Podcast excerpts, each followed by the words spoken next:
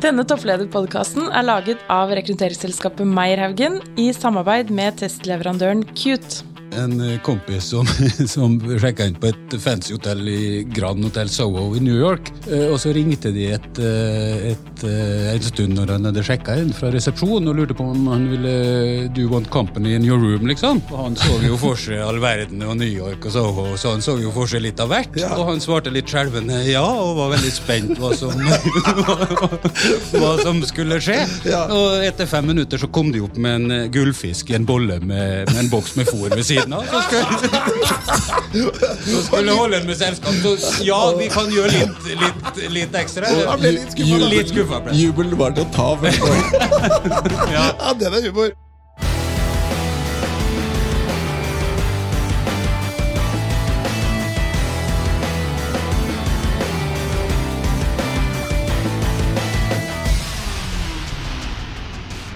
Ja, Sverre. I dag er vi så heldige at vi har en veldig spennende gjest. Ja, og det som er spesielt med gjesten i dag, det er for det første så har vi på mange vis sett han litt i action. Og for det andre så er det andre gang vi har en president med i studio. Ja, Og det er Torgeir Silseth. Velkommen. Tusen hjertelig takk. Og for de som eh, kanskje ikke kjenner deg eh, så godt, Torgeir, hvor er du jobber hen? Jeg jobber i noe som heter Nordic Choice Hotels. Og det er en eh, hotellkjede som Eller kanskje Norges desidert mest kjente hotellkjede. Ja, det håper vi, og tror vi. Ja. Og så er det vel også sånn at eh, du er jo da president, eller CEO, for denne eh, hotellkjeden. Men det er vel kanskje noen som kjenner eierne av denne hotellkjeden nesten like godt som deg selv? Eller som kjenner han bedre? Ja, la oss si det sånn at vi har en frontfigur som ikke er meg. Ja. Men hvordan er du komfortabel med at det er eh, Petter Stordalen som stjeler mesteparten av showet, eller? Ja, Hvis ikke så hadde jeg ikke kunnet hatt den jobben jeg har. Det var en eh, grei påstand. Ja. ja. Fordi jeg tenker at Det som er interessant med denne podkasten, er jo at eh, Petter Stordalen er jo en, sånn høyt og lavt, og, og er jo en fantastisk markedsfører for dere. Men jeg mistenker at det er du som er resultatet bak de gode tallene og den store ekspansjonen og alt dere har fått til. Ja, det er jo en litt sånn brokete eh, sammenheng og historie der. Det er klart at eh, eh, vi pleier jo å si og være enige om at eh, selskapet hadde nok vært betydelig mindre hadde hatt eh, regien alene, så veksten skal ikke jeg ta æren for, men eh, system, struktur, oppfølging og drift underveis eh, håper jeg jo at det har bidratt sterkt til. Ja, og Vi skal prate mer om Choice etterpå, men vi har lyst til å bli bedre kjent med deg som person. Torgeir. Og Hvis vi skulle møtt deg på fest en gang, da, la oss si VK, og så, eller vinterkonferansen, da, det er som den store, altså Nordens største, eller Nord-Europas største kickoff, er det ikke det dere har i januar? hvert år? Det liker vi å mene at det er. Og der har Sverre og jeg vært så heldige og vært gjester nå de to siste årene. Ja, Og det er helt crazy. Det er lov å si det? Ja, det er jo vår kulturarena. Det er jo der vi på en måte feirer resultater, snakker om strategi, deler ut priser og, og viser at vi er en del av, av en stor familie med felles verdier. Og ja, fest og moro er en del av det, men som dere forhåpentligvis også har fått med dere og sett, så, så skjer det en del på dagen der som forhåpentligvis informerer, inspirerer, utfordrer og gjør at folk reiser derfra med enda større lyst til å gjøre en god jobb, og større kunnskap og grunnlag for å gjøre en god jobb i dette store systemet. Ja, Og masse energi, mot og begeistring. Masse energi mot og begeistring. Ja, ja. Både sent, sent og tidlig. Ja, men du, men, Det skal, Petter skulle fram til, da, for Ja, han det var spora helt av på VK, det var hvis vi da hadde møtt deg på en fest, f.eks. VK, og hadde begynt å snakke med deg om en, en eller annen gitt tematikk, hva skulle vi begynne å snakke om for at du virkelig hadde fått vann på mølla? Ja, litt eh, politikk og samfunnsliv. Eh, hundeliv. Eh, ja, hundeliv, opptatt altså. av. Det er kanskje en av de få tingene jeg har til felles med Petter Stordalen. Det en, det er at vi har en eh, schæfer hver eh, som kommer fra samme sted. og eh, eh, Det tar litt tid. Men, men generelt politikk, samfunnsliv, ja. er opptatt av, følger med på og elsker å diskutere med andre. Norsk, norsk eller internasjonal politikk? hele spekteret, gjerne internasjonalt. Det er jo genuint eh, forundra over at noen av de tingene jeg identifiserer som de store utfordringene i verden, krig og fred, handels, eh, økonomisk vekst og ikke minst klimakrisen, ser ut til at mange tror at det kan løses gjennom løsrivelse og alenegang. Altså brexit, og Skottland skal ut av Storbritannia, og det som skjer i USA. Så det, sånne ting er jeg også opptatt av. Ja. Så du er en, er lov å si at du er en føderalist? At du liker litt større enheter og, og la oss si Europeisk union, eller Absolutt. Jeg tror jo at de utfordringene jeg nevnte, kun kan løses gjennom overnasjonalt samarbeid. Og at det blir bare vanskeligere og vanskeligere jo flere sære alenegangsstater vi har, og, og presidenter som, som mener at de kan eh, berike sitt eget land og gjøre suksess ved det uten å tenke på, på helheten og de globale problemstillingene. Så det opptar meg litt. Ja. Og dette kunne jeg også prata med Jeg deg om. Jeg merker jeg jeg, jeg kjenner at jeg må holde igjen. For ikke, Her kunne, for her er jeg jo helt enig. Det må jeg bare si. Men du, jeg tenkte vi skulle eh, introdusere disse tre kjappe, Sverre. Ja, fordi Torgeir, nå skal vi jo ha en hyggelig prat om hvordan du har det som toppleder. Ikke hvordan du har det, men hvordan det er å være toppleder. Men Ja. etterpå så skal vi stille deg det vi kaller tre kjappe. Tre spørsmål som kanskje kan være til inspirasjon og læring for lytterne våre. Første vi skal spørre deg om, det er eh, Hvis du skulle gitt Du er jo en toppleder, du må ta valg hele tiden. Eh, hvis du skulle gi et tips til andre der ute, hva gjør du når du skal ta et vanskelig valg? Det er det første spørsmålet. Det andre er hvor går Torgeir Sirseth når han skal hente inspirasjon selv? Hvor finner han inspirasjon i jobben sin? Og det tredje, det er kanskje ikke, la oss, ja, ikke helt tilfeldig valgt. Hvordan håndterer man sterke eiere Uh, som toppleder? Ja. Ja, så det kommer vi tilbake til etterpå. Bra. Og dere som lytter, kan også tenke dere hva hadde dere svart hvis dere var i deres egne sko eller Torgeir sine sko. Men jeg tenkte vi nå skulle prate litt mer om eh, Nordic Choice Hotel, som er kanskje den offisielle betegnelsen, men de fleste sier vel bare Choice. Ja. Og fortell litt, Choice. Dere er rundt 210 hoteller. Ja, 207 tror jeg nå, sist Ja. vi regna. Vi tuller jo litt med at vi ikke har helt kontroll. Vi har ganske god kontroll, men det er klart det skjer mye. Siste hotellet som åpna, var et uh, komforthotell. Stort, 503 rom på terminalen på Arlanda, som det er jo tre dager siden vi åpner. Men 207 hoteller, 16 000 ansatte. Vi er nordiske. Uh, Vår virksomhet er jo langt større utenfor Norge enn i Norge. Sverige alene omsetter for mer enn vi gjør i Norge. Så det er jo et, et, i sannhet et nordisk selskap, og vi har et nordisk organisasjon, en nordisk perspektiv på det vi gjør. Så Danmark, eh, Sverige, Norge, Finland og liten representasjon også i Baltikum. Ja. Men jeg hørte nå skal ikke dette være en podkast om Petter Stordalen, eh, men jeg hørte han si det at eh, vi er en gründerbedrift som har holdt på i 25 år og har 16 000 ansatte.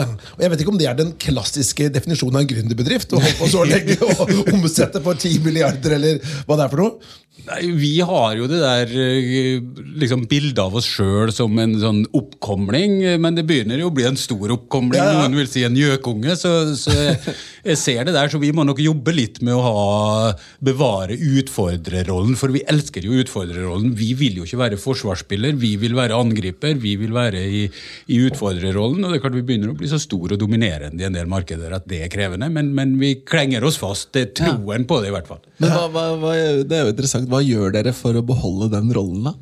Nei, vi, vi er jo ydmyke i forhold til at vi har eh, flinke konkurrenter. Eh, vi prøver jo å tenke nytt, være ny. Vi prøver å bevege oss raskere, være mer innovative, eh, være raskere i digitaliseringsprosessen innom vår bransje osv. For liksom å, å være angriperen. Det er viktig for oss. Så kjappe beslutninger, gjør ting som andre ikke tør å gjøre. Eh, å være en, en eh, oppkomling i, i bransjen. Men det blir jo vanskeligere og mer krevende jo større man blir. Så ja, vi, vi jobber hver dag for å beholde den der angriperposisjonen. Ja. Men jeg bare tenker sånn, eh, Torgeir, hvis man da man, man prater ofte om at sett innenfra så er bedriftene veldig forskjellige. Men sett utenfra så vil noen si eksempel, du har de fire store på, på revisjonssiden. Du har kanskje rekrutteringsselskapene som vi er. Sett utenfra virker ganske like. Men hva vil du si til de som la oss si, hotellgjestene hotellgjester som tenker ah, om det er Choice, eller om det er Scandic eller Thon, eller hva, om det er Residor, eller hva, hva vil du si til de er liksom den store forskjellen, enten utenfra eller innenfra? da? Jeg, jeg tror Det enkleste å forklare det på er jo at vi tilbyr jo i kveld her i Oslo så tilbyr vi noen av de billigste og enkleste overnattingene i det som, eh, konseptet som, som heter Comfort Express. Som ligger sentralt. Gode rom, eh, rent og pent og ordentlig og ryddig, men de har ikke engang frokost. Så du liksom må løse eh, behovet for frokost på nærmeste kaffebar. Men du bor sentralt, rent og billig, i Oslo. Det er den ene sida av det. Og så selger vi også det dyreste og mest luksuriøse eh, hotellrommet i Oslo på The Thief eller Amerikalinja. Så vi dekker hele spekteret. Ja. Eh, veldig mange av våre konkurrenter har jo ett brand, og de har på en måte ett konsept som skal, skal passe alle. Vi mener jo at vi eh, tilpasser oss markedet, markedets ulike behov gjennom å ha mange ulike konsept. Vanskeligere å få kjennskap til ett brand, det blir jo i så fall nærmest Petter Stordalen, men, men eh, vi tror at eh, gjestene søker unikitet, de søker tilpassa produkter. Noen ganger vil du gå på et, bo på et enkelthotell, eller du vil bo på et luksushotell. Noen ganger spiser du på McDonald's, men neste dag kan du også gå på en gourmetrestaurant. Behovene til kundene er forskjellige, derfor forskjellige behover, behov, og det skiller oss fra konkurrentene våre. Ja. Så de andre, de andre har mer sånn one size fits all? Ja, det tror jeg er en fair eh, påstand. Og så er det jo, nå må jeg være ærlig da, og si det at Før jeg begynte å jobbe med Choice, så var det jo litt sånn at jeg visste ikke helt hvilket hotell jeg bodde på. Nå har jeg jo et helt annet perspektiv på det. Og nå når jeg sitter liksom litt tettere på, så vet jeg jo at det som skjer på teknologisiden, for eksempel, med tanke på å digital nøkkel på mobiltelefonen, at de kan låse opp døra med telefonen, eller at du kan velge rom. Det er jo liksom nye ting da, som skjer hos dere, har jeg inntrykk av. Ja, det er jo sånn, Digitaliseringa er jo for oss som for alle andre en ny måte å løse gamle oppgaver på, og gir oss jo også en, en, en mulighet til å knytte gjesten nærmere til oss. For oss er jo gjesten det viktigste i verden. Og det er tøff konkurranse der ute, og det er nye distribusjonsplattformer som alle slåss om den samme gjesten. Og for oss da så er det superviktig å være nyskapende, innovative, for at gjesten skal benytte vårt tilbud. Og da er den det vi kaller den digitale gjestereisen, fra du er på nettet og treffer oss der, til du uh, booker via appen på mobilen, sjekker inn via mobilen din, bestiller tilleggstjenester, chatter fra rommet for å få opp ekstra håndduker, til du sjekker ut og, og, og kan gå uten å være i kontakt med noen hvis du ønsker det. Og poeng og lojalitet og alle de tingene der. Så hele den digitale gjestereisen er superviktig for å, å vinne gjesten og gjestens hjerte. Besøke oss igjen og igjen. Ja. Men hvis du da tenker på hotellbransjen Hva skal vi si? Før så var et rom et rom, nærmest. ikke sant? Det er en veldig sånn analog eh, tjeneste. da, ikke sant? Det er fire vegger og en dyne og en pute og en seng. ikke sant? Det er jo Ja. det du primært selger. Men hva vil du si hvordan vil hotellbransjen se ut om fem og ti år, da, hvis du tenker distrupsjon av din bransje? Vi har jo både, altså Du har jo alt fra flyskam til koronavirus. Du har eh, sånne digitale hotels.com. Du har jo veldig mye, Det er jo en del sånn mørke skyer på, på reiselivshimmelen, er det ikke det? Ja, og Min, min øh, jobb er jo å se de mørke skyene, for det er jo andre som ser soloppgang og, Hver eneste dag. og rosa skyer. Så jeg, jeg er god på de mørke skyene, men samtidig så har jo også øh, disse årene lært meg at reiselivsbransjen er jo en soloppgangsbransje. Det selges mer hotellrom, det reises mer. Og jeg sier ja, det, Og først- kaka blir større. kaka blir større. Man var redd for videokonferanse skulle ødelegge. Man var redd for Det har jo vært ulike virus, 9-11, terror. Masse, mm, ikke sant? Masse ting som, som på en måte utfordrer oss. Men folk kommer til å reise mer og mer. Som jeg sier, Dette ligger jo dypt ruta inne i DNA-et vårt. Vi ønsker å møte andre, vi ønsker å oppleve andre nasjoner. vi ønsker, altså Folk har samla seg og jugd og skrytt og hatt historier rundt leirbålet siden tidenes morgen. Det kommer ikke til å ta slutt. Vinterkonferansen er for øvrig bare en forlengelse av den samlinga Ja, ja. leirbålet, for å si det sånn. Ja. Så jeg er ikke bekymra for det. Eh, men man må jo være robust, og man må ha finansiell styrke, og man må være skrudd sammen så man tåler det svarte svanene, hvis man kan kalle det det. Ja, som Black Swans, ja. Black Swans, Det kan være terroraksjoner, det kan være virus, det kan være reiseforbud, økonomiske nedgangstider.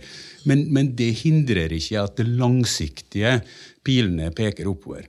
Så er det klart at vi, som veldig mange andre bransjer, møter konkurrenter på nettet som vi ikke har hatt før, som legger seg mellom oss og kundene, typisk online travel agents, OTA-er, som, som da har et tilbud og en oversikt som de gir til kundene, som vi ikke alene kan gjøre.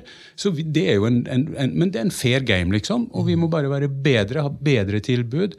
Stay close til gjestene våre, gjør de fornøyde, sånn at de kommer tilbake til oss og ikke shoppe rundt hver gang. Ja, ja. Men det hadde ikke vært noe alternativ for dere bare å si at eh, nei, på Choice så, For, det- for det er dere tilbyr jo disse sengene til online travel agents. da det er jo, For de tar jo ikke Det er frivillig, ja. Det er frivillig. Ja. Så dere kunne jo sagt at nei, det får dere ikke lov til. Og hvis alle hotellkjedene i verden hadde gjort det, så hadde de vært out of business i løpet av kort tid. Ja, Men til det så er i et kundeperspektiv heldigvis konkurransen for stor. Ja. Eh, eh, bransjen er for fragmentert, og konkurransen er for stor.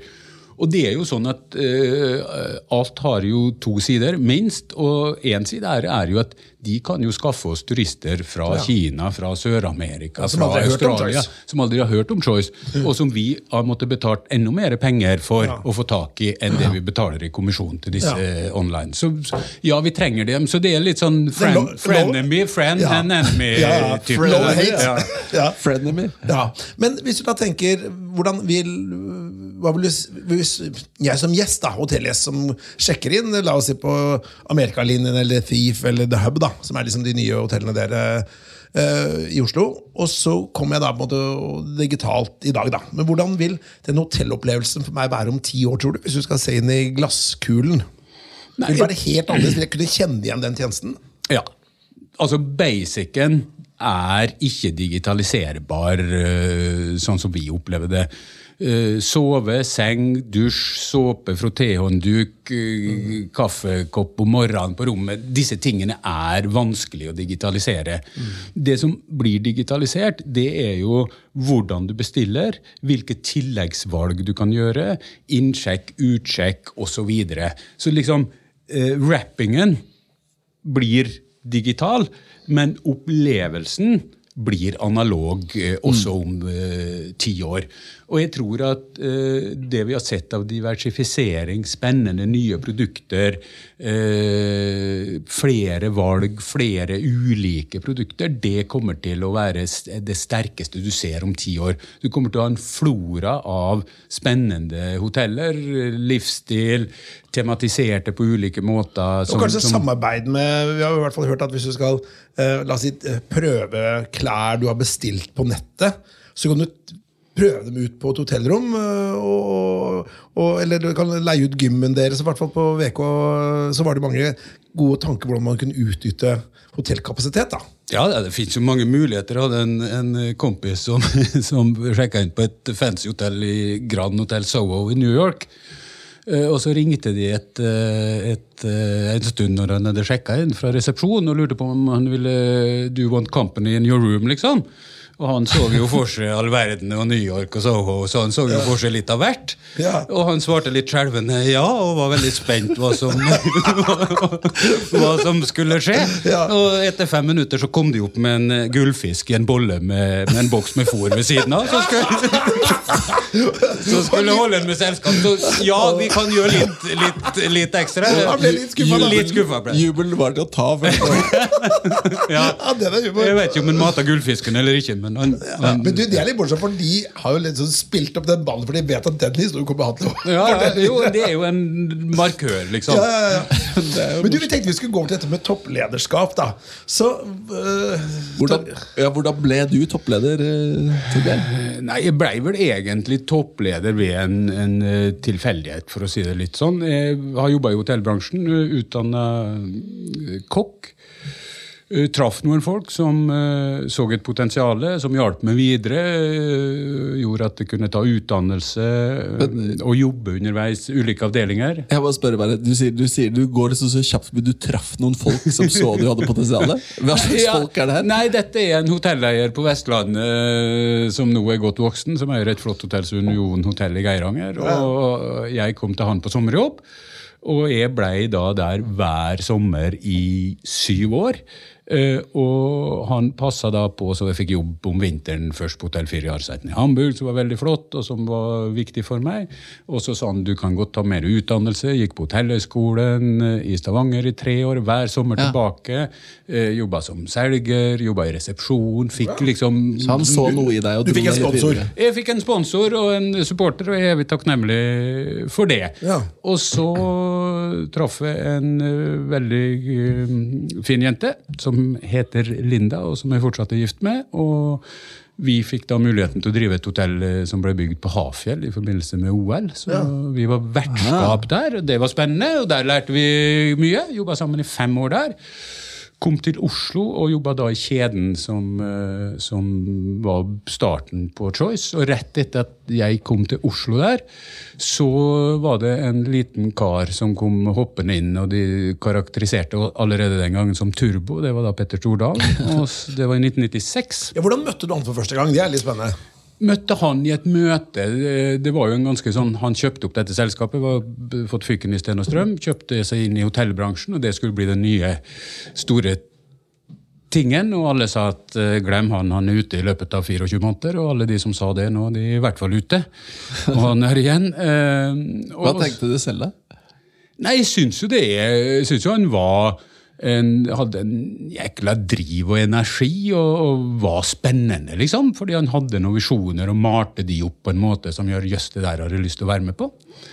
Men jeg jobba jo da med, med drift og var en, en par hakk unna han. Så i 2000, påska 2000, eh, så, så hadde han avvikla det som da var min sjef. eh, Og så lurte han litt på hva han skulle gjøre, hadde noen ideer til det. Og så sa jeg det syns ikke du skal gjøre, jeg syns du skal gå inn sjøl, for jeg ser at du elsker det du holder på med. Og sånn, og så ble det prat fram og tilbake på det, og så sier han ja, men det kan ikke det noe om hotell, og så sier jeg ja, men det skal bli det. Så da ble jo han konsernsjef, og jeg visekonsernsjef, da. Og så Egentlig så har jo rollefordelinga vært litt sånn Han ble da styreformann i 2004, og jeg ble da konsernsjef eller administrerende i 2004. Så det var eh, reisa der. Så min oppgave har jo vært å være innenriksminister og være den som eh, er litt sånn faktasjekker og, og driver organisasjonen og leder det til daglig. Og Petter er jo dealmakeren og den som, eh, som gjør det utadretta. For, Forsto jeg rett at i denne dialogen at du sa til han men du burde jo gå inn og ta dette? Ja, for jeg synes eh, han hadde noen andre ideer som ikke jeg syntes var så bra. Og så hadde jeg jo da sett, for han så jo da på seg sjøl som investor. Ja. Eh, Men jeg så jo at han likte dette med folk, dette med å holde store, vidløftige taler og gjøre dealer og sånn. Ja. At uh, han var så nær det at det var vanskelig der å, å, å ha en administrerende i tillegg, liksom. Men da hadde du da måtte du, da hadde, du hadde jo øret hans på et vis, da, tydeligvis. Ja, det hadde jeg. Ja. Det Og hans tillit, åpenbart. Ja, det hadde jeg nok, da. Ja. Men eh, hvis du da skal tenke på dette med topplederskap hvis, hvis du da ser på, For du er jo da leder da for 16 000 ansatte. Ja. Og eh, der er det jo hundrevis av, av ledere. Eh, og hvis man da tenker Når du da drar rundt på disse hotellene, så, så tenker du at hvis du definerer en mellomleder, en som har ledere både under og over seg, da, uh, og så tenker du at ja, der ser jeg en topplederpotensial. La oss si en, en hotellsjef, da, for eksempel, eller hotelldirektør. Eller general manager, som dere sier. Uh, hva, hva er det du ser etter da? Liksom, hva er det som skiller de som vil bli stuck som mellomledere, og hva skiller de som du ser at her kan du bli en toppleder? Nei, det, det er jo alltid dette med, med energi og lyst. Altså, du, må- Skal du være toppleder, så må du ha lyst. Og du må ha energi, og du må ha kraft, og du må liksom ha et, et purpose. Du må gi, ønske å gjennomføre. Uh, og så må du ha bredden. Altså, du kan ikke være for smal. Det fins jo liksom masse supergode kokker som aldri blir gode kjøkkensjefer. Det fins mange avdelingsledere som ikke blir gode hotelldirektører fordi de er for flinke og for fokusert på én del av virksomheten og klarer ikke å se helheten. Det blir sånn one trick ponies. Ja. Løf, løfte blikket, da. Løfte blikket, se bredden og se, se totaliteten, se sammenhenger. Jeg sier Den beste skolen er jo din egen nysgjerrighet. Ja. Og din egen nysgjerrighet lærer deg, deg å se sammenhenger. Når jeg satt eh, i Geiranger og var kokk eller jobba i resepsjonen der, så begynte jo jeg å interessere meg for regnskap og balanse og lærte masse gjennom det. Så lærte jeg noe på skolen, men kombinasjonen der tror jeg er uslåelig.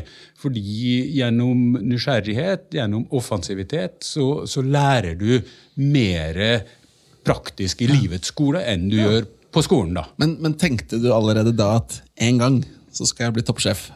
Nei, det jo, nei ikke, ikke der jeg er i dag. Men jeg hadde vel kanskje etter hvert et håp om at jeg skulle bli hotelldirektør. Det kom vel etter hvert at jeg kunne klare det. Det blir jo ofte sånn du sier nei, men kan den der gjøre den jobben, så kan vel jeg komme dit en eller annen gang. Og det, blir, det, det var litt litt sånn vi mer tenkte vi sånn. skulle starte rekrutteringsselskap. Kan de få det til, så kan i hvert fall vi få det til! Det var liksom vi tenkte, da. Ja, ja, ja, litt sånn. Ja, ja. Ok, Men hvis du da tenker um, allikevel, Så det er nysgjerrighet og lyst, da. Men, Ja. men er det sånn uh, ja, Jeg, jeg må spørre om det med lyst. da Fordi det interessante er Nå har vi snakket med noen toppledere på den podcasten her Og det er jo ingen av de som sier at ja, men jeg hadde den ambisjonen fra tidlig av å ha sikta og jobbet veldig målrettet. Det er veldig mange som sier at nei, jeg har egentlig fokusert på å gjøre en god jobb, og så har det kommet Men det er jo bare sprøyt. Jo, men det er jo like troverdig som når Listhaug eller Trond Giske sier nei, men jeg stiller min kapasitet til rådighet for partiet. wherever. Nei, de gjør jo ikke det. De vil De på topp. toppen. De har dritlyst til å være på toppen. Så de ljuger når de står og sier det. Altså, Herlig forfriskende. Jo, men, men det er jo sånn at det er masse som Nei, men jeg har aldri søkt makt. Sitter du i en toppleder Du har ikke kommet dit hvis du ikke har søkt maks. Det er ikke liksom. tilfeldig at du havner der. Nettopp. Nei. Men, men det har vel litt sånn å si at, at Og jeg er jo helt enig med deg, Torgeir. Men la oss si at det er jo noen som er mer posisjonerende enn andre, da. Uh, altså hvis det er noen som på en måte er sånn playing the company game, da. Ikke sant? Hvis du tenker at og jeg skal på toppen, hva er det riktig å gjøre? Hvem må jeg kjenne? Hvem må jeg liksom uh, få brownie points hos? Uh, og det er jo de vi liker ganske dårlig, er det ikke sånn? Nå, Ja, Det er jo det dummeste du kunne gjøre. Ja. Jeg prater jo av og til og heldig og får prate til litt sånn talenter og sånn i egen organisasjon, og da har jeg noen råd. Ja. Og et av de rådene er liksom glem den der karriereplana. Ja. Det er noe annet, liksom. Eh, du må ha lyst på makt, du må ha lyst til å ta beslutninger, du må ha lyst til å lede andre for å, for å ekspandere eller bli leder. Det, det, det er vi ferdig med. Men jeg tror ikke rette veien på det er liksom å, å sitte med en hemmelig plan i skuffa. At det, om to år skal dit, og så må please den for å komme dit. og holde på. Det beste eh, karrieretipset mitt er gjør en jækla god jobb der du er i dag. Ja. Da vil noen før eller siden se at jeg kan gjøre en bedre jobb med å ha med han eller hun videre enn jeg kunne klart alene. Og da løftes du. Ja. Eh, og føler du at du ikke blir sett, eh, bytt jobb. Ja, for, det, for det, det du sier her, er at hvis du gjør en god jobb, så vil det være en form for rettferdighet i verden.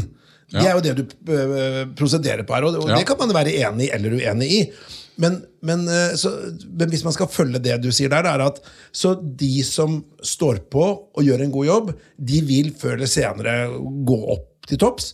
Men de som står på, men ikke gjør det riktige, og så sier de at verden er urettferdig, sånn, men det er et eller annet de mangler. da. Så tenk på at De som bør bli toppledere, de blir toppledere i stor grad.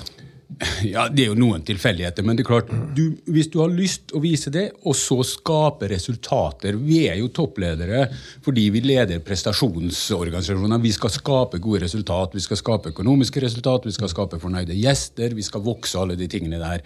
Og For å kunne gjøre det, så må du jo ha folk som bidrar rundt deg. Og da er det jo en leders oppgave å plukke de, de neste som kan bidra til at du og din virksomhet vokser og, og utvikler seg. Så jeg, eh, om verden er 100 rettferdig, og om det er noen som burde vært sett, som ikke blir sett, ja, sikkert. Men den beste måten å bli sett på, er jo å levere gode resultater. Og blir du ikke sett, så bytt jobb. Ja. Ja. Men jeg tenkte vi skulle prate litt om dette med rekruttering. Da.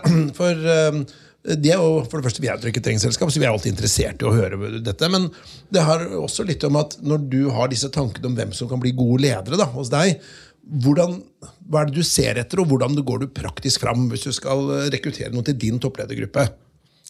Nei, jeg har jo en del, og det er litt sånn interessant, fordi du, du har jo alle de der Dere er jo bedre på dette enn meg, og man har alle de tingene som skal være på plass. Eh, eh, men jeg er jo også litt sånn kontrær, på en måte, fordi at jeg er veldig opptatt av mangfold. Jeg er veldig opptatt av å ha en balanse mellom menn og kvinner. Uh, ulik bakgrunn. Uh, noen som skal ha vært lenge i selskapet, noen som kommer fra andre deler. Uh, jeg må jo også se på dette med balanse mellom landene. I og med at vi er en nordisk organisasjon, så kan vi ikke bare ha nordmenn i ledelsen eller bare svensker i ledelsen. Så, så det er en del sånne ting. Uh, og så er det jo liksom populært å si nei, men jeg skal ha den beste kandidaten uansett. Men jeg snur jo på det og sier jeg skal ha den beste kandidaten, men den må være svensk. Eller ha, jeg skal ha den beste kandidaten, og det er en dame. Men, men gjør, gjør, du det? Ja. ja det er veldig kult, fordi akkurat denne problemstillingen kommer jo vi opp i veldig mange ganger. Og, og det du sier, er jo veldig typisk. Ja, vi, kan godt, vi vil helst ha en dame, men hvis vi har de to kandidatene, dame og mann, så tar vi den beste. Mm. Og jeg tror løsningen ligger jo som du sier, også. man må kanskje sette noen rammebetingelser. da. Jo, jeg, Første gang jeg gjorde det, var en god del år siden, og da skulle vi ha en CFO. Og vi var litt underdekt på, på, kvinner i ledelsen. Og jeg sier, men hva er sjansen for at ikke det skal finnes en superkompetent kvinnelig mm. eh, CFO for det selskapet? Den er akkurat null. Ja. Det er ikke mulig at ikke det finnes en superkandidat kvinnelig kandidat til en CFO-stilling i vårt selskap. Og det, og det har du funnet? Og det har vi funnet, og, og sånn er det lov å tenke. Mm. Eh, fordi at når du skal ansette noen, så ansetter du jo eh, kompetanse, du ansetter bakgrunn, du ansetter personlighet, du ansetter kjønn, du ansetter nasjonalitet, eh, sånn som vi må tenke sånn. Og da skal alt det der passe sammen. Og da må jo de ulike faktorene spille, en ulik verdi, og du kan ikke se bort ifra noe, nei, men jeg skal bare ha den som er flinkest. på en måte. Men, da må jeg bare spørre av nysgjerrighet her da. Hvor, hvor, langt har vi dratt det her, eller hvor langt har du testa det ut? Har du, liksom, fordi kjønn er én ting, her skal ha en kvinne. eller Har du tenkt liksom, ja, nå skal vi ha en overvektig, nå skal vi ha en gammel person eller en ung person? Har du tatt noen andre? Alder, alder, absolutt. Eh, det jeg ikke har gjort, men som jeg bør gjøre, det er å se på, for å øke. For vi er jo en Eh, grunnen til at vi er så fokusert på mangfold, er jo at blant de 17 000 så har vi 160 nasjonaliteter. Vi har vel 65-70 kvinner, eh, mange med innvandrerbakgrunn osv. Det er klart at jeg vil jo at ledelsen skal speile den populasjonen som, som jobber i dette systemet. Så det neste er jo at jeg må jobbe med å få noen som har en, en, en annen kulturell bakgrunn enn hvit skandinav. da, for å si det sånn. Ja. Men jeg tenkte vi skulle bare se litt på dette her med personlighet. Ja, Sverre. Ja, personlighet er interessant. da. Har du tatt noen personlighetstest noen gang? Ja da. Ja. Det har jeg. Følte du at denne testen traff på hvordan du blir beskrevet? Ja, det, det er jo Som vi har snakka om, det er jo disse egenskapene har jo litt sånn pros et kontras. Ikke, noen tror jo at de er bare positive, men det er jo alle som er positive, har jo også en, en kontrær side, eller en, en motsatt side. Ja. Jeg, jeg har kjent meg igjen, og jeg husker det kjente jeg meg veldig godt igjen, og som jeg har jobba med i mitt eget lederskap, eh, er jo dette med at når when the going gets tough, altså når det drar seg til litt, ja. så blir jeg kanskje litt uh, tydelig. Tydelig, og litt ja. autoritær, heter det vel. På, ja, på, på, ja. Og det er jo ikke alltid like bra, så det har jeg hatt noen tester som har vist. og Ellers så, så passende, ikke sånn superorganisert. Uh, uh, ganske drivende. Uh, stødig. Stødig? Ja. Ja, fordi, og dette, vi, vi, vi, bruker, vi samarbeider en testleverandør som heter Qt. Eh, modellen som vi bruker når vi diskuterer det her, er jo basert på det som heter Shapes Executive. og Der er det en del trekk da, som, som, som Qt mener lader inn i toppledelse. Og Noen av de trekkene er det jo interessant å høre hvordan du ser på deg selv. da. Ja. Vil du f.eks. beskrive deg selv som en optimistisk person? Nei. Nei. det kom kjapt. Og nå skulle dere sett Torgeir her i studio. Nå smiler han med hele kroppen og, og gliser. Er det, er det her er vi tilbake til de mørke skyene, eller? Ja, jo, det er jo, Jeg har jo fått passet mitt påskrevet underveis, og det skal man jo. og det har jeg jo fått, og da er vel ikke det den liksom mest Min rolle er jo å være den som, som stiller spørsmål i, opp i all hallelujaen, og, og som, som, liksom sier 'men hva, hva, hvis det går gærent', og hvis markedet går sånn og sånn. Så liksom, nei, optimisme er nok ikke det de rundt meg vil si at det er et sånn altoverskyggende. men hva med, hva med følgende egenskap, da? Hensynsfullhet. Jeg håper jo at folk opplever meg som en, en uh, hensynsfull uh, person. Jeg, det, er vel også, det er jo ikke personlighetstester, men jeg kan jo få jeg kan være ganske sånn røff i, i humoren og, og, være ganske direkte. Det er det jo mange som setter pris på også, men noen syns jo det kan være litt tøft. Men jeg tror nok også jeg er en omsorgsfull og hensynsfull leder. Jeg håper jo det. Prøver, prøver. Jeg prøver absolutt ja. å være det. fordi at vi lever jo livet vårt på jobb, og vi har veldig mange, og jeg har mange i min ledergruppe som reiser mye, jobber mye, har familier eh, og jobber med å sy sammen dette, dette livet. Og, og, da er det klart at det er viktig å ha en, en leder som forstår eh, og, og sånn. Og jeg er nok eh, jeg trives godt sammen med mine folk. Jeg gir de stor frihet eh, og får tilbake og oppleve mye ansvar og mye eh, passion for jobben og, ja. og, selskapet. Så jeg kan nok være direkte, men, men eh, det er stor frihet høyt under taket. Men du, Torgeir.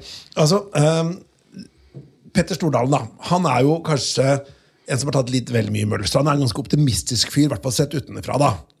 Også hvis man da tenker en person som, hvis du tenker en vektstangprinsipp, da, så la oss si at hvis du hadde hatt en, en veldig pessimistisk eier, da, hadde du da vært mer optimistisk og positiv for å ivareta den like vekten? Ja. Eller vil du at den, la oss si, den, den anstrøket til ikke nødvendigvis pessimisme, men i hvert fall grundighet, og du skal ha talla, du skal liksom et eller annet sånt, ikke sant? og du må legge deg liksom litt mer til den andre siden for å være en motvekt? Så det har kanskje satt varige spor på deg, og hatt den turboen som, eh, som våpendrager? da? Helt helt rett observert. Det, sånn er det. Og vi hadde jo en morsom sak her. Det var nå eh, to eh, konkrete cases. Og så var det litt sånn forpostfekninger, og ja, han var superpositiv, og jeg var skeptisk. Så jeg faen, nå, unnskyld, nå drar Var det kjøp av hotell i Finland? Eh, eh, blant annet. Nå, nå, nå, nå er det din jobb, Petter, ja. å være negativ og ja, ja. kritisk til, til, til, dette. Og så skal jeg være optimisten. Og jeg ah. skrev i boka mi uh, pros for, så det sprut, blekket spruta.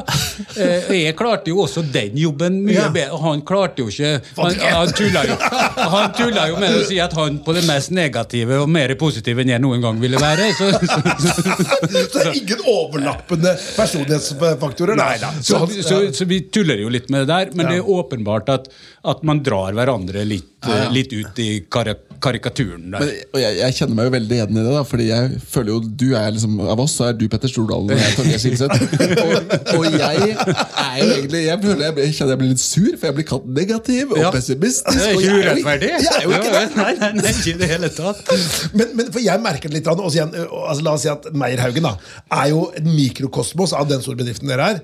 Men den personlige dynamikken kan jo bli litt av den samme. ikke sant? Så, men, og Jo mer du legger deg Sverre, til litt av negativ vi må vente og se-holdning, jo mer må jeg legge kjøttvekta mi på den andre siden for å rikke han. Og dermed så blir forskjellene egentlig større enn de ville vært hvis vi ikke hadde møtt hverandre. Du skulle bare tatt en personlighetstest på det. Men, men, det som er interessant med dette, det er jo sånn eh, Det må være en helt grunnleggende eh, tillit i bunnen for at noe sånt skal fungere over tid. Ja. Ja. Eh, og veldig ofte så liker jo ikke folk som er så forskjellige, liker jo ikke hverandre. De rett og slett liker ikke hverandre. Eh, og det er jo noe man skal være klar over, for det er jo fantastisk. Hvis du som leder så eh, bør du innse at du ikke er perfekt, og at du har en del eh, ikke huller i CV-en, men huller i kompetansen og mm. likings og sånn. Ja. Og da må du slippe fram andre folk. Og da må du slippe fram folk du i utgangspunktet ikke nødvendigvis liker eller deler så mange interesser med. Men, men de gangene det fungerer, så tror jeg det er en super oppskrift for å, å lykkes når du skal bygge et team. Men du må bare være klar over at man er forskjellig. Som jeg eh, har sagt eh, til Peter i noen sammenhenger. Eh, Hadde vi gått i samme klasse eller vært på samme fest, vi hadde aldri havna i noe samtale. Eller, eller-. Nei, nei, ikke det, men, men, men vi hadde bare ikke uh, connecta, på en måte. Det, Men det, er litt liksom, er det liksom yin-yang, da? Jeg vet ikke. Det, men, men, men det jeg kan si, og det som jeg tror er, er, er viktig, det er jo er, Som leder så står du jo i tøffe øh, beslutninger, og du er alene på, på beslutninger. Det er ofte kriser og ting som skal håndteres, og for tøffe forhandlinger og, og usikkerhet, og du må beslutte, osv. Eh, og det som, som har fungert bra for meg, da, er jo at uh, som jeg sier, han har alltid hatt ryggen min. Jeg har ikke trengt å se meg bak ære. Har jeg støtte? Må jeg ringe for å vite? Han har stått der som en påla, og han har aldri kommet tilbake. 'Nei, men du skulle ikke gjort det.' Nei, men det, sagt. det det er liksom framover eh, med hele hånda. Sjøl om jeg vet at han vet at jeg har tatt en kanskje dårlig beslutning. Så skit i det, vi går videre. Og ikke bruk tid på å forankre. Vi er samkjørte, du orienterer meg sånn, og vi kjører. Og du trenger ikke liksom å, å drive og, og sjekke baklandet hele tida. Det gjør jo at det blir effektivt. Du er trygg, du er beslutningsdyktig, og du kan holde bra tempo. Men har du noen gang vurdert å tenke ah, fader, det der gidder jeg ikke mer? Har du noen gang vurdert å slutte i Nordic Choice? Nei, jeg tror det, det har jeg jo, men, men det gjør jeg jo for meg sjøl, liksom. Ja. Eh, og det tror jeg Fader, dette gidder jeg ikke mer. Det tror jeg man skal gjøre. Ja. Eh, hvis ikke, så tror jeg ikke du Den døra må du åpne, på en måte, og ta et møte med deg sjøl og tenke skal jeg holde på med dette videre, eller skal jeg la være. Men jeg tror ikke du skal gjøre det i offentlighet, eller Nei, nei. hvis du ikke mener det, så skal du ikke si Må ikke det. med det. Nei. Nei, nei.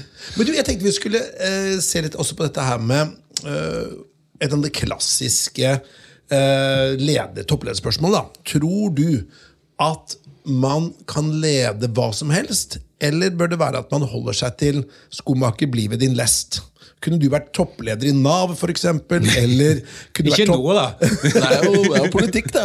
Men, eller toppleder for, eksempel, for en bank, eller kunne du vært toppleder for la oss si en um, uh, ja, retail, eller ja, Fiskeoppdrett. ja, hva som helst. Jeg syns det er veldig vanskelig å svare på. Jeg kjenner jo Sigrun Vågeng, og hun har gjort en kjempejobb. Og det er jo synd for henne at hun har havna opp i denne litt ulykksalige situasjonen. Og verden, verden som toppleder er tøff og kan være Ja. urettferdig. Men jeg tror ikke jeg hadde vært noen god leder for Nav. Jeg tror at jeg kan være en god leder for Nordic Choice fordi jeg har bakgrunn, har kompetanse, har erfaring innenfor den eh, virksomheten. Så kunne jeg nok også lede andre ting, men, men jeg tror nok jeg ville både trives best med og gjøre mest nytte for meg innen noe som er tilslekta reiseliv. Jeg, jeg er stor- Hospitality. ja. Jeg jo har fått uh, utfordringer med å være styreleder nå for Ving, uh, som er et spennende reiselivsselskap, og det syns jeg er, er bra, og jeg tror jeg har mye å tilføre der. Men, men liksom å lede en helt annen bransje i en helt annen bransje, nei. Nei. Du, jeg tenkte Vi måtte tenke litt på Nå, nå står Sverre og hopper. Jeg har lyst til å stille Ja, deg nei, spørsmål. bare et kjapt spørsmål. Politiker? Kunne vært Ja, det? det tror jeg kunne For jeg kjenner, det er jo ting jeg brenner for. Jeg Ja. har jo noen eh, ja. Du har noen fanesaker. Har noen Hvilken fanesak skulle det vært? da? Nei, det var jo det vi snakka om innledningsvis, eh, i forhold til å, å bygge Mer, eh, bygge enheter. Ja, det, dette med, med liksom å tørre å ta noen valg som kan løse klimautfordringene. Eh, Ja, og noen andre sånne eh, Jeg skal stemme på deg, jeg. Torgeir. Ja, det er bra. Det er bra, det er bra. Du bare stifter parti først. Men uh, it's your choice, vet du, eh, Sverre. Ja, det er sant. Og det er hemmelig, hemmelig valg. Hemmelig Men eh, jeg tenkte vi skulle prate om eh, hvis du hadde fått anledning til å lede en non-profit-organisasjon. En organisasjon, NGO, et annet ord for det. En sånn som måtte ikke nødvendigvis har profitt som hovedmål, men at det er kanskje noen samfunnsnyttig eller noen for en spesiell særgruppe eller interesseorganisasjon. Hva skulle det vært? Ja, det er jo eh, Altså, jeg hadde jo eh, gleden av å, å ha en kontingent i Libanon som FN-soldat. Eh, ja, på 80-tallet var det det. Eh, og det er klart at og da hadde man jo fulgt med det som skjer der nede. Så er det klart, jeg opplever jo at uh, den uh, tragiske behandlinga som palestinerne får og fortsatt får, og det som skjer i politikken der, gjør at hvis det er noe som jeg skulle engasjert meg i sånn fra hofta her nå, så ville det være å hjelpe de, for jeg syns de har havna i en, uh, i en skvis. og en låst situasjon som, som, er håpløs. Så tror jeg sjøl har evne til å se dette fra begge sider, men, men, men jeg tror ikke uh, verden er tjent med at noen har det så dårlig. I over generasjoner. Over generasjoner, Og at det kommer til å, å, å hemme vekst og utvikling og være grobunn for terrorisme og ting som, ja. som det, det, er en dårlig investering, det som gjøres politisk der nå. Ja. Og det er jo en vanskelig sak. Det er jo, mange det er jo ja. harde fronter og høye følelser, og jeg forstår og man kjenner bakgrunnen, men, men, uansett så er det noe lidelse der som ikke burde få pågå, og som, som vi burde ta et ansvar. Og Norge har jo en bra historie på, på det området. Absolutt. Mm. Men du, Jeg syns det hørtes som en verdig sak. Absolutt. Skal vi runde av med å be deg svare på disse tre kjappe spørsmålene som vi presenterte innledningsvis, Torgeir? Ja, men, men, men, før det, dere, jeg føler at dere har snytt meg for et spørsmål. og Det er jo liksom livet som toppleder og familie og, ja. og sånn. For jeg har jo hatt gleden av, og, som jeg var inne på, å vært gift med ei jente, dame, som, som, også har vært leder gjennom uh, hele vårt uh, voksne liv. Um, og det, Mange har jo da spurt hvordan får dere sydd sammen dette? Det pleier vi ofte å spørre om, faktisk. Og, ja, Man møtes i gangen og, og sånn. Men, men, jeg mener jo at vi har klart det på en bra måte, og det er jo fordi man Altså man kan jo prioritere. Man trenger ikke å være med på alt. Uh, og hvis det er to stykker, så kan man jo liksom hjelpe hverandre. Og det blir jo også en sånn avhengighet for at uh, hun må være fleksibel for at jeg skal kunne gjøre jobben, så må jeg være fleksibel tilbake for at hun skal kunne gjøre sine ting. Ja. Eh, og vi har altså stort sett eh, spist middag med barna gjennom deres oppvekst eh, hvis vi ikke har vært på reise, og vi har hatt liksom faste rutiner. Og, og føler jo at, Så det går an, den der myten som skapes med at du er ja, du er jo på 24-7, men du kan jo være på hjemme. Du kan jo ha fine stunder med barn og, og følge opp de på aktiviteter, og ha et eh, ekteskap eller parforhold som fungerer sjøl om enhet er toppleder eller to sågar er toppleder. Så den der litt sånn sayingen at det går ikke i hop, den føler jeg at Den er uenig i? Den er uenig og føler at uh, vi har motbevist. Det er, det er veldig interessant, du, ja, for det har jeg lurt på noen ganger. da, Om det lar seg gjøre og går opp. Og Det er jo godt å høre at det er mulig. Ja, jeg opplever jo det, men det er klart det er jo alltid noen salderingsposter. Da. Hva, da, hva, er hemmeligheten her, da, Torgeir? Hvis du skal gi et godt råd, da, for vanligvis er det et av de tre kjappe vi har. da. Uh, og det er på en måte, hvordan får du work-life balance til å gå opp? Har du noen gode råd til de som sliter med det? Nei, men jeg tenker Du må være bevisst på prioriteringene dine. Da blir det kanskje ikke så mye golfturer eller gutteturer eller jaktturer eller, eller eh, sånne ting. Og Noen må jo ha det for å overleve, men, men, hvis du ikke trenger det, så kan du liksom putte den tida inn i, ja. i uh, familielivet. Og så må man jo være enige om det, og så må man ha noen felles verdier uh, oppi det hele. Og så må man jo skaffe seg hjelp på de tingene der. Men, men ja, det er tøft på toppen og tøft topplederlivet er tøft, men, men, det er jo også fantastisk givende å få være med og lede organisasjoner. Uh, være en del av noe som vokser, skaper arbeidsplasser, se mennesker vokse og utvikle seg, være med og, og, og sette spennende produkter på markedet osv. Så, videre. så det er, jo, det er jo like mye en, en, gave som et offer, vil jeg si. Men jeg må stille ett oppfølgingsspørsmål til dette. Ja. For Du snakker om du er veldig familiær i det du sier. Men hvor er romantikken? Har du, har du booka date? Har du date med kona di 14 Ja, Man må jo sette av tid til det også. Det blir jo sånn, Du må ha det i kalenderen. Ja, det er ja. viktig. Bra. Nå ser han veldig lur ut der. Bare sånn. han er en luring, vet du. Men jeg tenkte vi skulle ta de tre kjappe, da. Uh, Sverre? Ja. Eh, da, Torgeir, takk for at du dro oss gjennom dette, for det er et veldig viktig tema. relevant ja, tema. Eh, men de, de, spørsmålene vi vil stille deg på tampen, det første er hvis du skal ta vanskelige valg Har du noen strategi for å gjøre det? Er det noe lytterne våre kan lære av? Liksom, hvordan tar man vanskelige valg? For det må man jo som toppleder. Ja, det er jo Altså, jeg er jo litt sånn uh, som tviler meg fram til beslutninger. Jeg er ikke sånn som uh, hopper i det.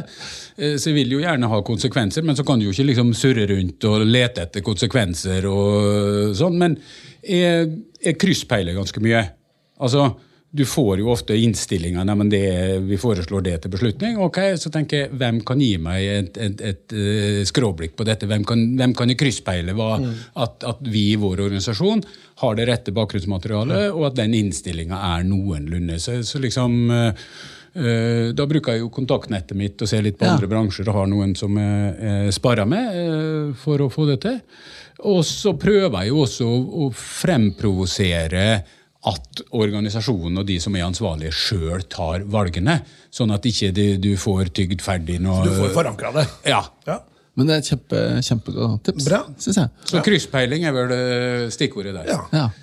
Uh, spørsmål nummer to er hvor henter Torgeir Silseth uh, inspirasjon? Nei, Det er jo ganske sånn kjedelig. Går på ski og reiser på hytta og holder på med den hunden. Og, og så familien. Eh, og så reiser sammen en del med familien og prøver å liksom holde flokken, eh, flokken samla. Naturen er viktig for meg. Og ja, ikke så mye mer enn det. Leser en del, opptatt av historie. Ja. Bra. Og så siste spørsmålet. Det er det vi har gleda oss til. Er, ja.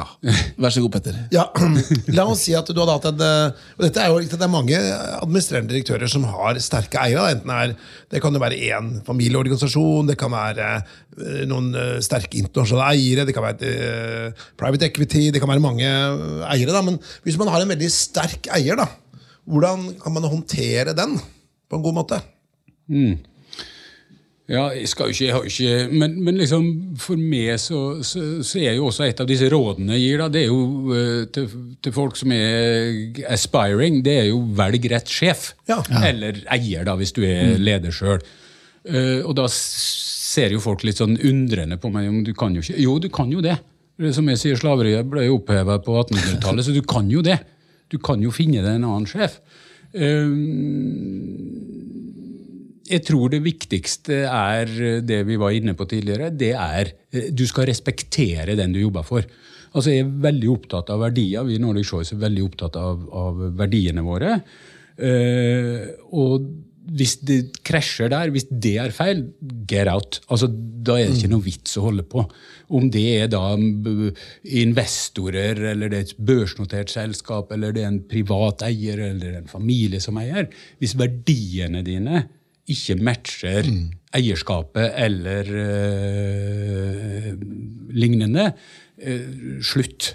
Altså, det er så viktig, hvis du skal stå i en sånn posisjon, at du deler verdier, og at du føler at det du gjør, kan du stå for og at du er samsnakka og har et rent og skvært forhold til en eier sterk eller, eller, ikke. Og du må føle også en gjensidig respekt, at de har respekt for deg. Det er på en måte sånn absolutt. Og er det til stede, så, så, så, tror jo jeg på familieselskaper. Jeg tror på mange uh, ulike eierstrukturer. Men er ikke det til stede, så får du jo politikk og kontraproduktivitet og interne eh, konflikter og greier som er sånn energidrain, liksom. Um, I forhold til, til Petter og, og, meg som leder, så er det Vi har avstemmingspunkter. Uh, jeg skriver brev til han hver jul og forteller hva som jeg syns har vært bra i år. Petter, du kan bli litt mye! Ja, det, det, det sto det et og annet ja. uh, Vi går ikke inn på det, men, men, der sier jeg hva som har vært bra, og hva som har vært uh, dårlig. Så har vi en sommerprat, og så har vi noen sånne faste punkter der vi lufter ut når det, når det er. Og jeg veit at jeg kan alltid gå til han. Han tar telefonen, og han er eh, mottagelig også for eh, kritikk og liksom sånn. I og med at vi er hundefolk begge, så sier jeg at eh, følgende bilde maler jeg opp for han. Det er jo sånn, Hvis du har to hannhunder, en liten og en stor, mm. Den store har mye mer ressurser, og den lille har ikke så mye ressurser. Og de skal ut på en mark og leke sammen.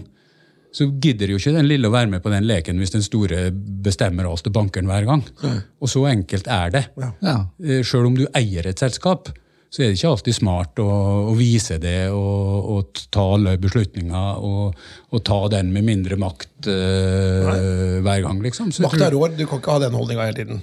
Nei, du må være som eier, eh, hvis du skal se det fra det perspektivet, som tro, så tror jeg det er smart å, å forstå at også andre kan ta gode avgjørelser på, på, på dine vegne. Ja. Men du, jeg har lyst til å bare Takk for en fantastisk eh, fin innsikt og god podkast her, eh, Torgeir. Og jeg vil også bare si at Det jeg i hvert fall har hørt Petter Stordalen si i flere intervjuer, er at du er hans eneste nære venn. Og det må jeg si er et eh, fantastisk kompliment. Ja, men Det er hyggelig. Takk skal du ha. Og jeg har lyst til å si en personlig takk til deg selv, hvordan du håndterer din Petter, for nå har jeg fått nye innspill på hvordan jeg skal håndtere min Petter. Og lykke til med det! Tusen hjertelig takk, Torgeir. Sjøl takk. Har du innspill eller kommentarer til denne podkasten, kan du sende en e-post til toppleder at meierhaugen.no.